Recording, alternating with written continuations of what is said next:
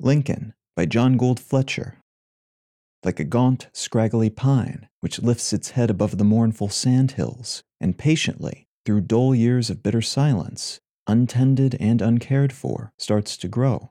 Ungainly, laboring, huge. The wind of the north has twisted and gnarled its branches. Yet in the heat of midsummer days, when thunder clouds ring the horizon, a nation of men shall rest beneath its shade, and it shall protect them all, hold everyone safe there, watching aloof in silence, until at last one mad stray bolt from the zenith shall strike it in an instant down to earth.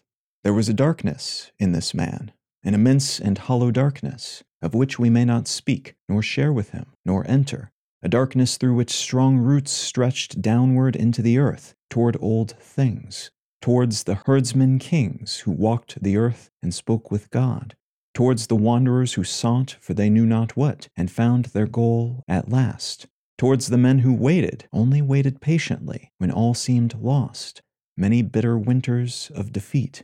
Down to the granite of patience, these roots swept, knotted fibrous roots, prying, piercing, seeking, and drew from the living rock and the living waters about it the red sap to carry upwards to the sun, not proud, but humble, only to serve and pass on, to endure to the end through service. For the axe is laid at the roots of the trees, and all that bring not forth good fruit shall be cut down on the day to come and cast into the fire. There is a silence abroad in the land today, and in the hearts of men, a deep and anxious silence. And because we are still at last, those bronze lips slowly open, those hollow and weary eyes take on a gleam of light, Slowly, a patient, firm syllabled voice cuts through the endless silence, like laboring oxen that drag a plow through the chaos of rude clay fields.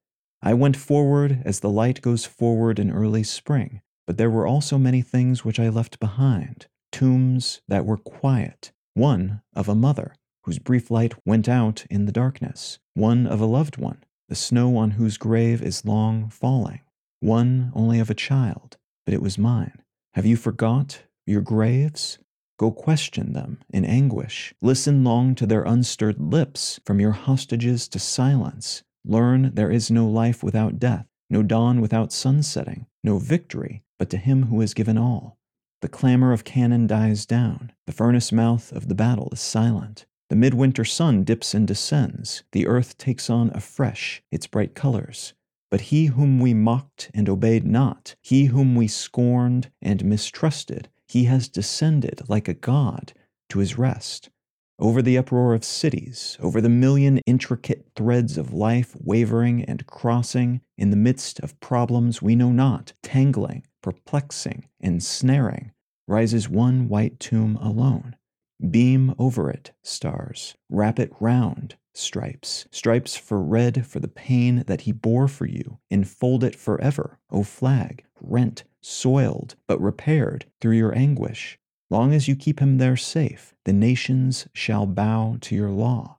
Strew over him flowers, blue forget me nots from the north, and the bright pink arbutus from the east, and from the west rich orange blossom, and from the heart of the land take the passion flower, rayed violet dim, with the nails that pierced, the cross that he bore, and the circlet, and beside it there lay also one lonely snow white magnolia, bitter for remembrance of the healing which is past.